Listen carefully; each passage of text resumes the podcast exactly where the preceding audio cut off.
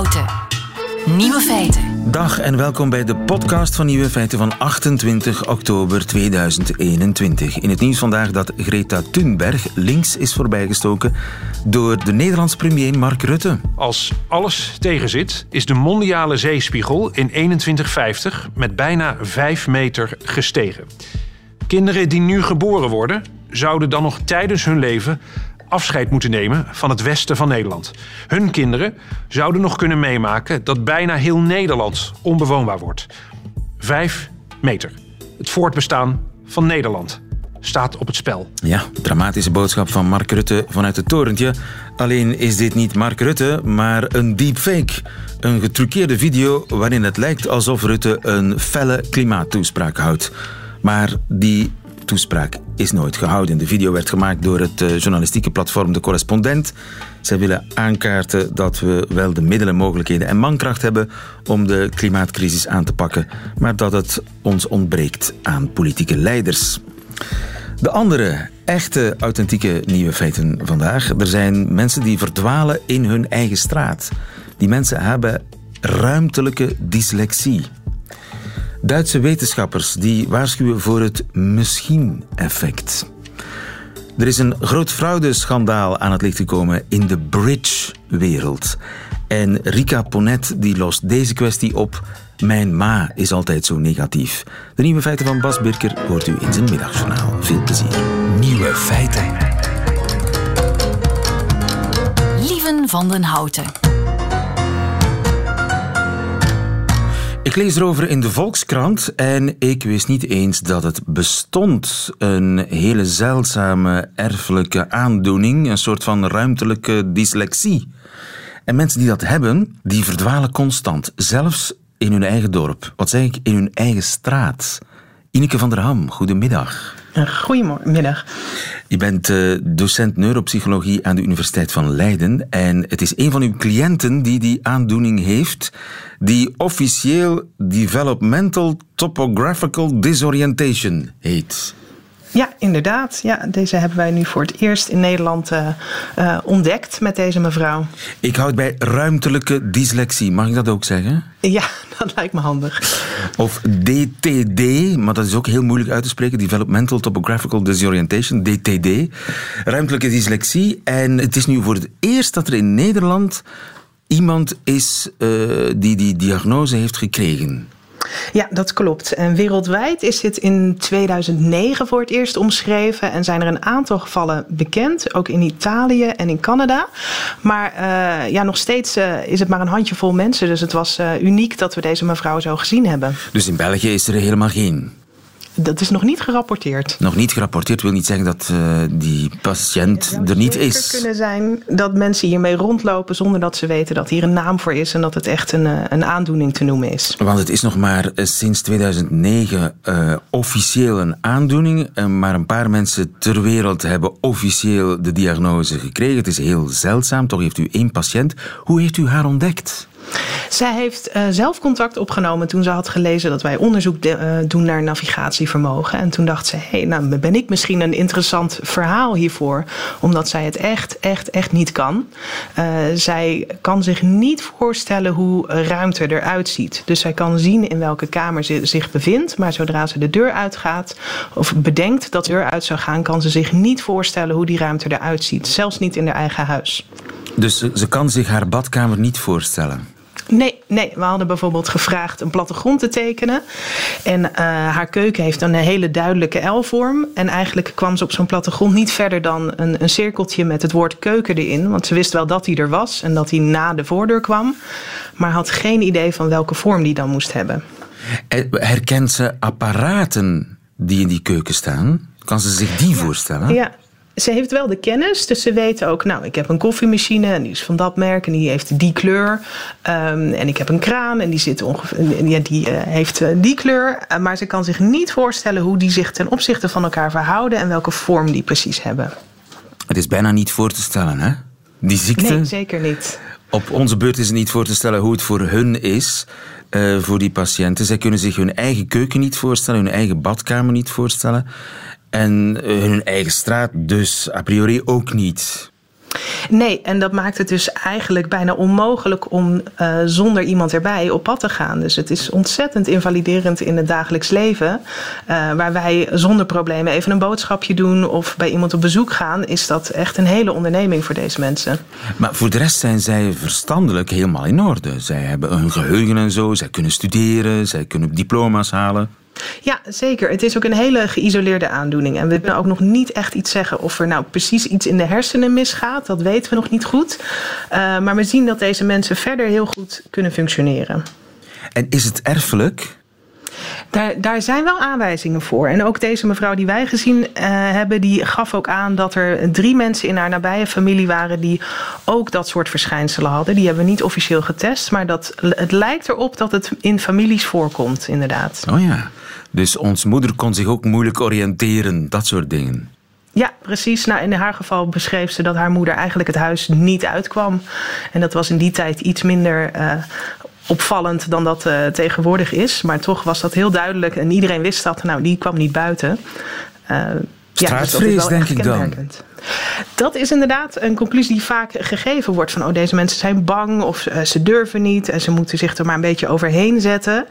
Uh, en dat kan natuurlijk extra frustrerend zijn als je bij jezelf merkt. Ja, maar ik kan het echt niet. En iemand zegt tegen je van nou, nou doe nou gewoon. Je moet gewoon even daar overheen stappen. Dus dat maakt het extra complex eigenlijk. En die patiënt van jou, die, uh, die heeft jarenlang erover gedaan om die diagnose te krijgen. Dat is nog maar, dat is nog maar net eigenlijk. Ja, ja, en als je haar spreekt, dat, dat heeft ook haar leven heel erg getekend in de, in de persoonlijke verhoudingen. Ook ze is met een opleiding moeten stoppen omdat ze niet zelf naar de school toe kon. Dus het heeft echt verregaande impact op een leven. En dan voornamelijk het niet weten wat het is. Het uh, verkeerd gediagnosticeerd worden met straatvrees of angststoornissen. Ja, precies, precies. En dan, eh, dan jezelf gaan twijfelen. Dat doet ook echt iets met je zelfbeeld. Dus het is heel fijn dat we nu dus weten dat dit bestaat. En hopelijk dat aan, aan deze mensen kunnen vertellen dat het uh, niet aan hen ligt. Uh, dat ze zich er niet overheen hoeven te zetten. Want dat ze er niks aan kunnen doen. Ja, want daar is ook gewoon helemaal niks aan te doen. Het is niet te genezen. Dit is iets waar je mee geboren wordt en wat je je leven lang hebt. Maar wat we wel kunnen doen is deze mensen aanwijzingen geven, bijvoorbeeld. Dat we zeggen. Um, uh, probeer vooral te benutten wat wel lukt. Omdat deze mensen zo heel slecht zich iets kunnen voorstellen. Maar wel een goed geheugen hebben. Kunnen we ze bijvoorbeeld vertellen. Uh, probeer onderweg te onthouden wat je tegenkomt. En dat, dat visuele geheugen heel goed te gebruiken. Of schrijf het desnoods op. Uh, want wat er nog eens bij komt, is dat deze mensen ook een GPS-systeem heel moeilijk kunnen begrijpen. Dus dat dat niet zo goed zou helpen. Dus een GPS-kaartje lezen, dat is ook al heel moeilijk. Kaart lezen sowieso heel moeilijk. Maar wat ze wel kunnen onthouden is bij de bakker naar rechts.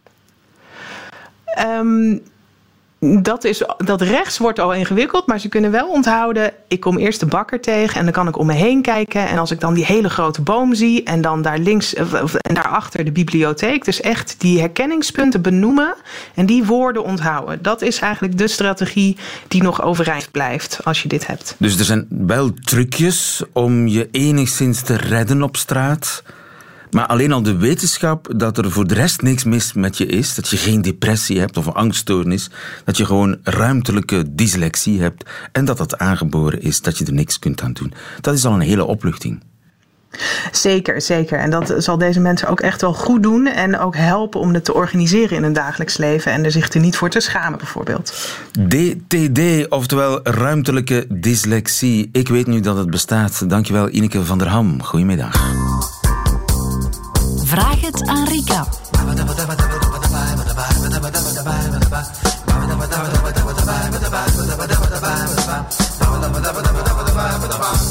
Het is weer donderdag en dan krijgen wij bezoek van Rika Ponet, relatiedeskundige. Goedemiddag, Rika. Goedemiddag. En jij komt uh, niet alleen voor de gezelligheid, hoewel het is altijd heel gezellig, maar jij uh, helpt knopen doorhakken die ons door luisteraars van Nieuwe Feiten worden toegespeeld. En ik moet zeggen, die, uh, die relationele kwesties, die komen vlotjes binnengestroomd op nieuwefeiten.radio1.be. Zo was er onder meer een bericht van Sonja. Die schrijft, beste Rika... Mijn moeder vindt van zichzelf dat ze de beste is. Haar wil is wet zelfs na 40 jaar. Ze is niet echt aanspreekbaar voor verbetering. Ze is, in tegenstelling tot ikzelf, niet zo sociaal. Ik wil positieve woorden van haar. Dat lukt één keer, waarna een hele ton negativiteit volgt. Ik wil niets met negativiteit te maken. Het brengt mijn vreugde naar beneden. Tips? Vraagteken. Super bedankt. Schrijft Sonja. Ja. ja. Eén woord valt mij enorm op in deze mail. 40. Jaar. jaar 40 jaar. Ja. We openen een blik miserie, hè? denk ik. Nee? Ze doet al 40 jaar haar best om waardering te krijgen van haar mama, zullen we maar zeggen. Ja. ja. En die Ehm, moeder... en eigenlijk is dat toch lang. Ik denk dat het tijd is dat Sonja stopt met proberen. Dat is tip 1. Dat is tip 1. Ja, ik denk dat dat heel belangrijk is. Ehm, ik denk dat Sonja een pleaser is. Hè. Dat gebeurt in dit soort van ouder-kindrelaties. Ehm, ja, je voelt dan als kind dat je voorwaardelijk gewaardeerd wordt of voorwaardelijk bevestiging krijgt. En eh, allemaal willen we eigenlijk heel graag waardering van onze ouders. Dat is de eerste personen die ons in ons leven erkennen. Dat is ook een vorm van bestaansrecht die je krijgt vanuit die waardering van je ouders. Dat vormt ook jouw zelfwaardegevoel, dus dat is bijzonder belangrijk. En alle kinderen streven ernaar dat hun ouders content zijn met hen. En wat is hier dan verkeerd gelopen? Um, ja, het is duidelijk dat um, ja, die mama zal zelf wel daar een geschiedenis in hebben. Meestal is het zo dat mensen die dat niet kunnen geven aan hun kinderen ook zelf vaak maar zeer voorwaardelijk graag gezien geweest zijn. En uh, dat is ook wat zij met Sonja doet, denk ik. En ik geef een positief woord, maar ik geef er uh, daarnaast een hele reeks negatieve. Eigenlijk is dat de andere verwerpen om de andere in de relatie te houden. Klinkt vreemd, maar dat is een. De ander verwerpen om de ander in de relatie ja. te houden. Dus je doet dat eigenlijk om de relatie stevig te houden. Absoluut. Dat is een, hele negatieve klem, maar één die zeer goed werkt. Je ziet dat heel vaak. Um, vaak nemen mensen die patronen dan ook mee naar volwassen relaties. Eigenlijk zoeken ze altijd liefde waar ze niet echt gegeven wordt. Hè. Uh, en als ze gegeven wordt, dan vinden ze dat dat te makkelijk gaat. Um, en in dit verhaal is dat um, zo. Uh, dus die mama bevestigt af en toe. Waardoor dat kind het gevoel krijgt, als ik maar hard genoeg mijn best doe, dan zal ooit wel eens de volledige bevestiging komen. Uh, en, dus dat is een, een loop waar allebei in zitten. Waar die moeder zit daarin, zit. maar ja. die dochter, Sonja zelf, zit daar ook in. Zij is eigenlijk Absoluut. als het ware verslaafd aan de negatieve feedback. Ja, absoluut. Dat is, uh, eigenlijk verlangt zij een vers gebakken brood en krijgt ze af en toe een oudbakken kruimel. Maar het brood blijft zoals beeld leven. Hè. Ooit gaat mijn mama bevestigen dat ik de ideale dochter ben, of de goede dochter ben, of de dochter ben die ze graag ziet, die ze altijd graag gewild heeft. En de moeder is bang om te veel positiviteit te geven, omdat dan misschien inderdaad het doel bereikt is Absoluut. en dochter met de noorderzon verdwijnt. Absoluut. Dat is een manier om de andere in de relatie te houden, uit angst dat de andere verdwijnt.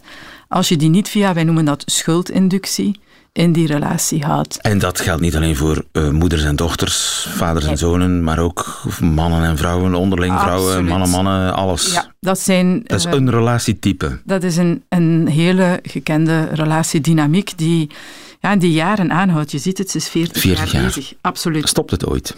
Uh, Kun je eruit?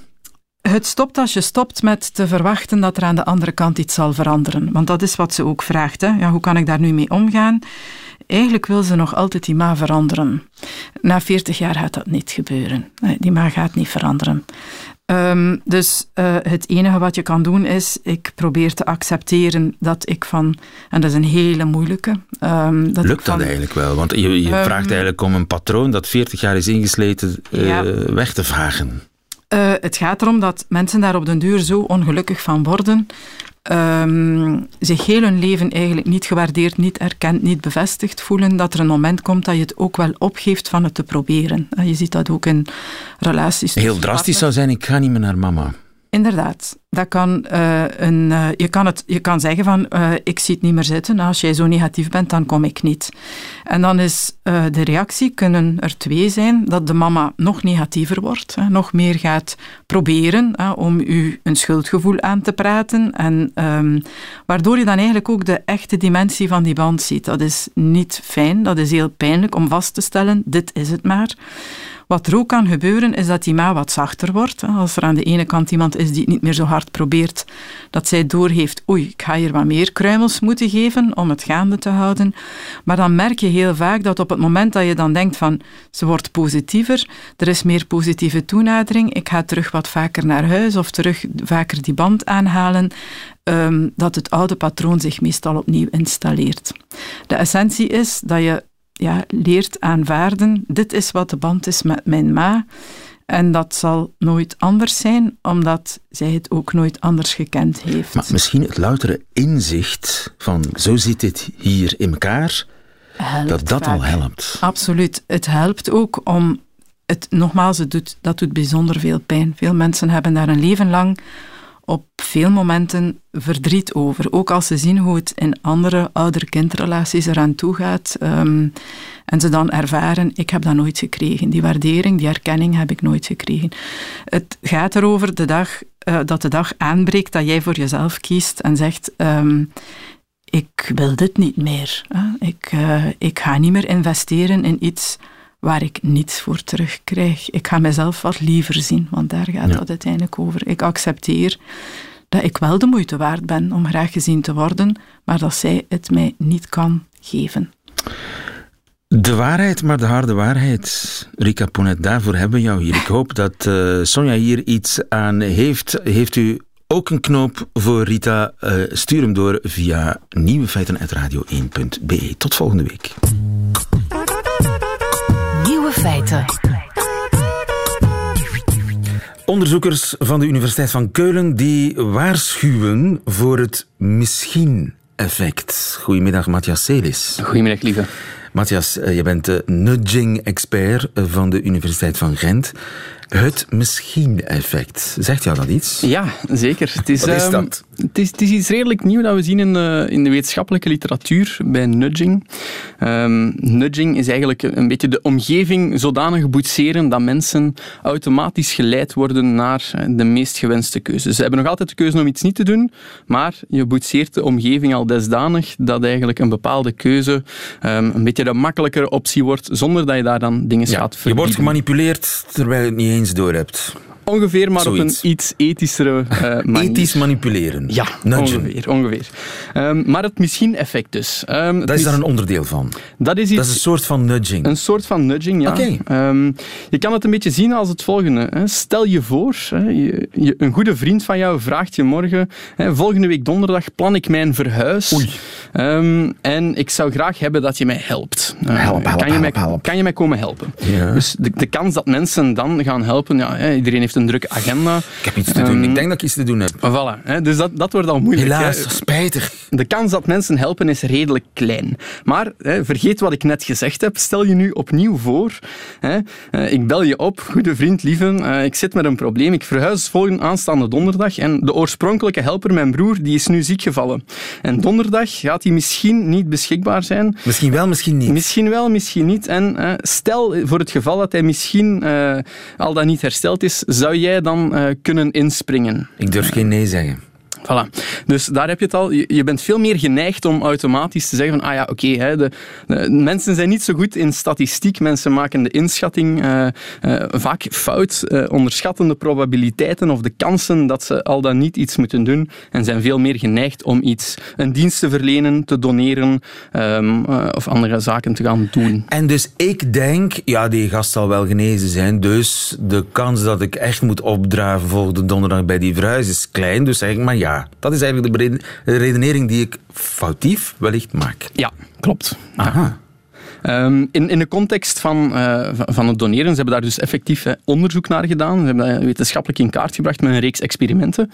Um, en wat daaruit is gebleken, is dat het, het, de psychologie daarachter wil eigenlijk zeggen, wat ze daar hebben, blootgelegd, is dat je gewoon al het feit dat je uh, de altruïstische zelf bent en zegt van, ah, instemmen met een goede daad, dat dat eigenlijk al zorgt voor die warme gloed dat je ervaart als altruïst, zelfs al moet je de daad nooit gaan doen. Je staat eigenlijk al een beetje in het krijt, ook al hè, moet je het... Ik heb ja gezegd, Ja, terwijl ja, ik ja. het eigenlijk mij niks kost. Dat is eigenlijk de ideale situatie. Klopt. Daar komt het eigenlijk op neer. Mensen schatten de kans eigenlijk mis in. Dat, dat- Gratis alter- al- altruïstisch zijn. Ja, je krijgt een, een dopamine boost in de hersenen gewoon door het feit dat je eigenlijk eh, de sympathiekeling bent. Het strookt je, je, je zelfbeeld een beetje. Hè, je bent de bereidwillige helper. Ehm, eh, en als het niet doorgaat, dan komt het niet door jou. Hè, want hè, het is niet jij die moet afzeggen. Ja. Het is door de situatie, de context. Die vriend die ze al, alsnog eigenlijk eh, terug op goede been is en toch kan helpen. Ja, maar eh, dus dat is eigenlijk gevaarlijke kennis, hè? want vanaf nu, als ik hulp nodig heb, ga ik altijd, ga ik altijd het misschien-effect proberen. Ga ik zeggen van ja, eh, er is iemand die mij wil helpen, maar die is ziek en misschien is die genezen. Kun jij, mocht het, no mocht het in het onwaarschijnlijke geval dat het toch nodig is, zou jij mij willen helpen? Dat, dan dat krijg ik altijd. Ik kan natuurlijk ook een misschien krijgen als antwoord. Ja, uiteraard. uiteraard. Het is, is een, een, krachtig hulpmiddel. Ze zien dat daar, eh, door die misschien te introduceren, want je moet denken, als je als bedrijf, als bijvoorbeeld een goed doel, je bent Oxfam en je wilt meer eh, mensen eh, of hogere bedragen gedoneerd zien op je rekening, ehm, dan kan zo'n zo'n een aanpassing op je formulier. Misschien ehm, zal je donatie eh, doorkomen, misschien niet. Zo'n kleine, kleine aanpassing zorgt voor, eh, voor 18% hogere eh, of meer donaties. Ehm, dus het is wel impactvol, maar het kan natuurlijk ook voor het fouten ingezet worden.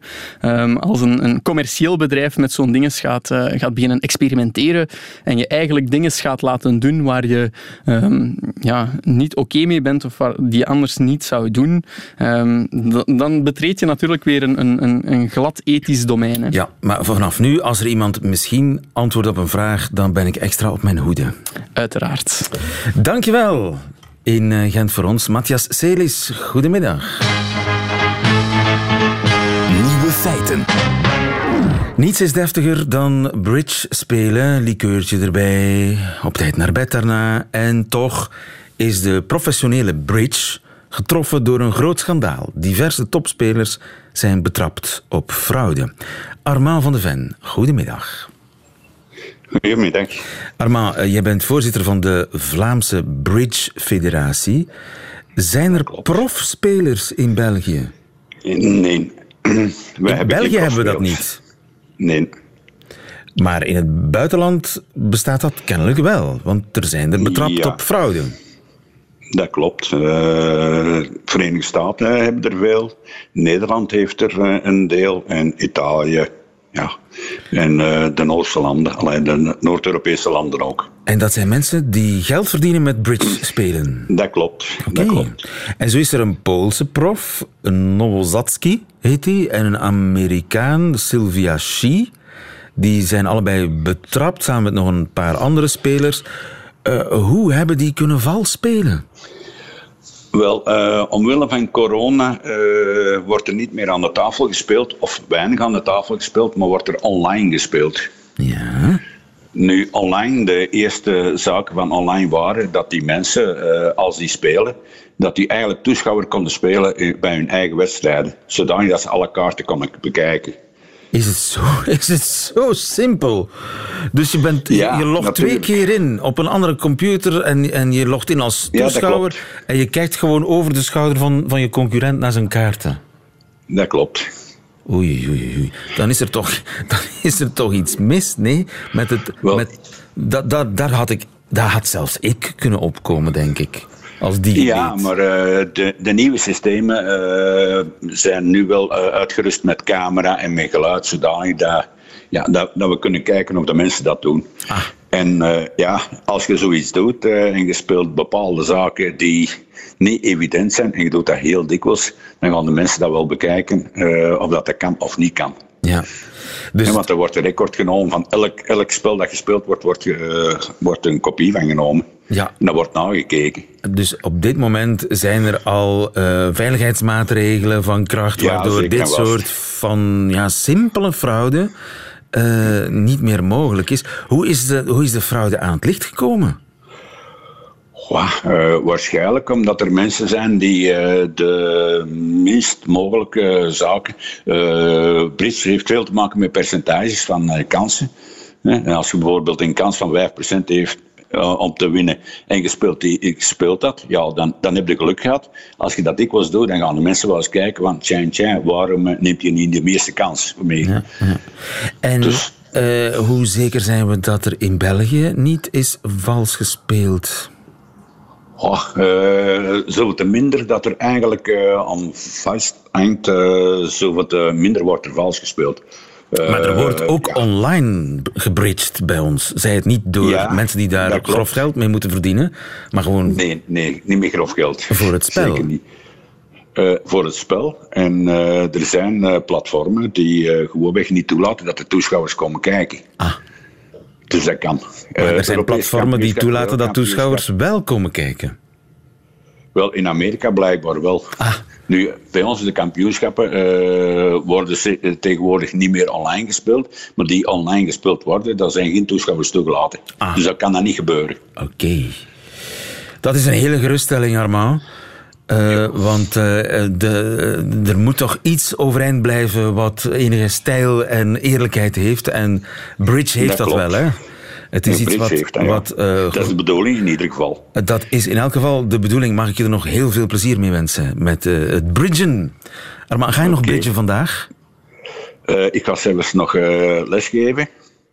En ik ga waarschijnlijk morgen eventjes kijken naar uh, universitair kampioenschap in Antwerpen.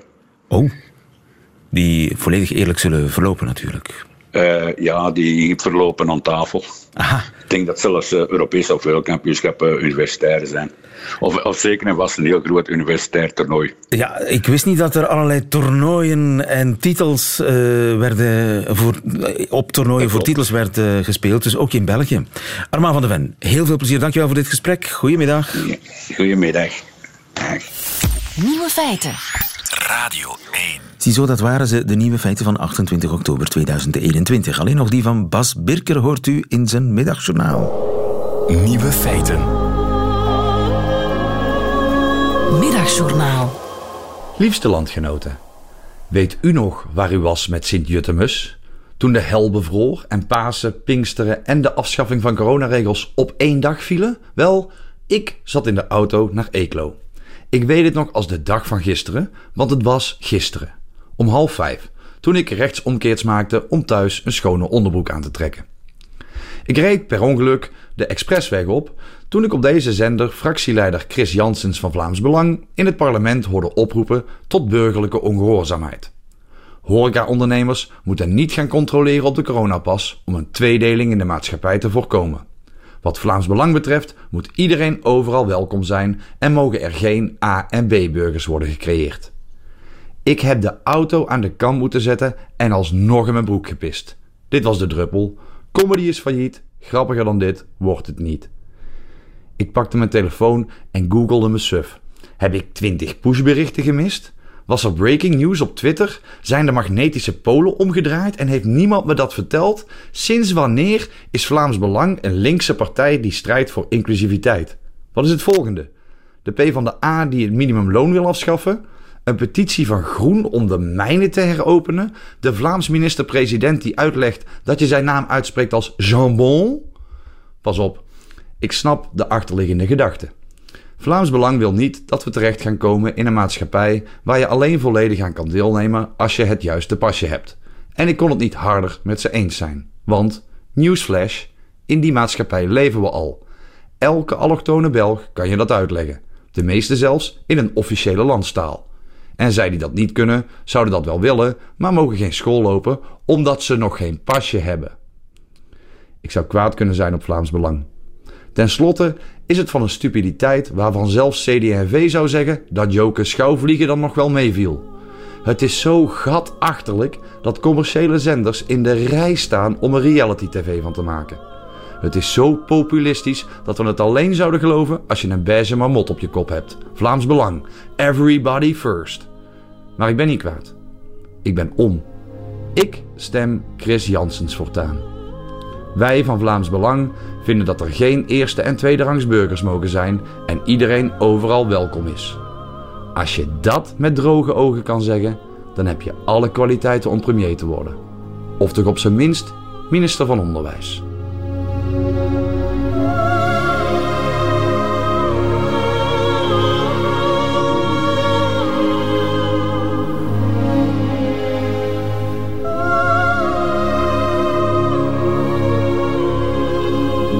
Het middagjournaal van Bas Birker. Einde van deze podcast hoort u liever de volledige nieuwe feiten met de muziek erbij. Dat kan natuurlijk via radio1.be, via de Radio 1 app of gewoon live op de radio elke werkdag tussen 12 en 1. Tot een volgende keer.